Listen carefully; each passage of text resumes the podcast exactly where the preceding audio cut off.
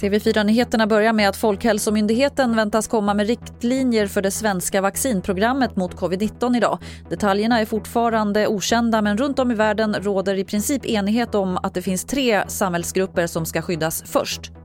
Det är sjukvårdspersonal så att sjukvårdspersonal inte blir sjuka själva eller kan smitta patienter på olika sätt.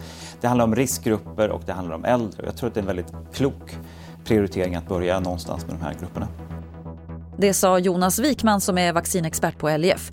Och I eftermiddag håller socialminister Lena Hallengren med flera pressträff om den svenska vaccinstrategin. Och den kan man följa på tv4play.se klockan 14.30.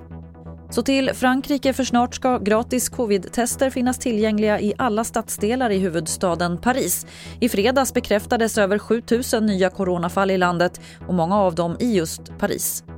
Och till sist kan vi berätta att Göteborg skjuter upp sitt 400-årsfirande som skulle hållas nästa år. Det här skriver GP.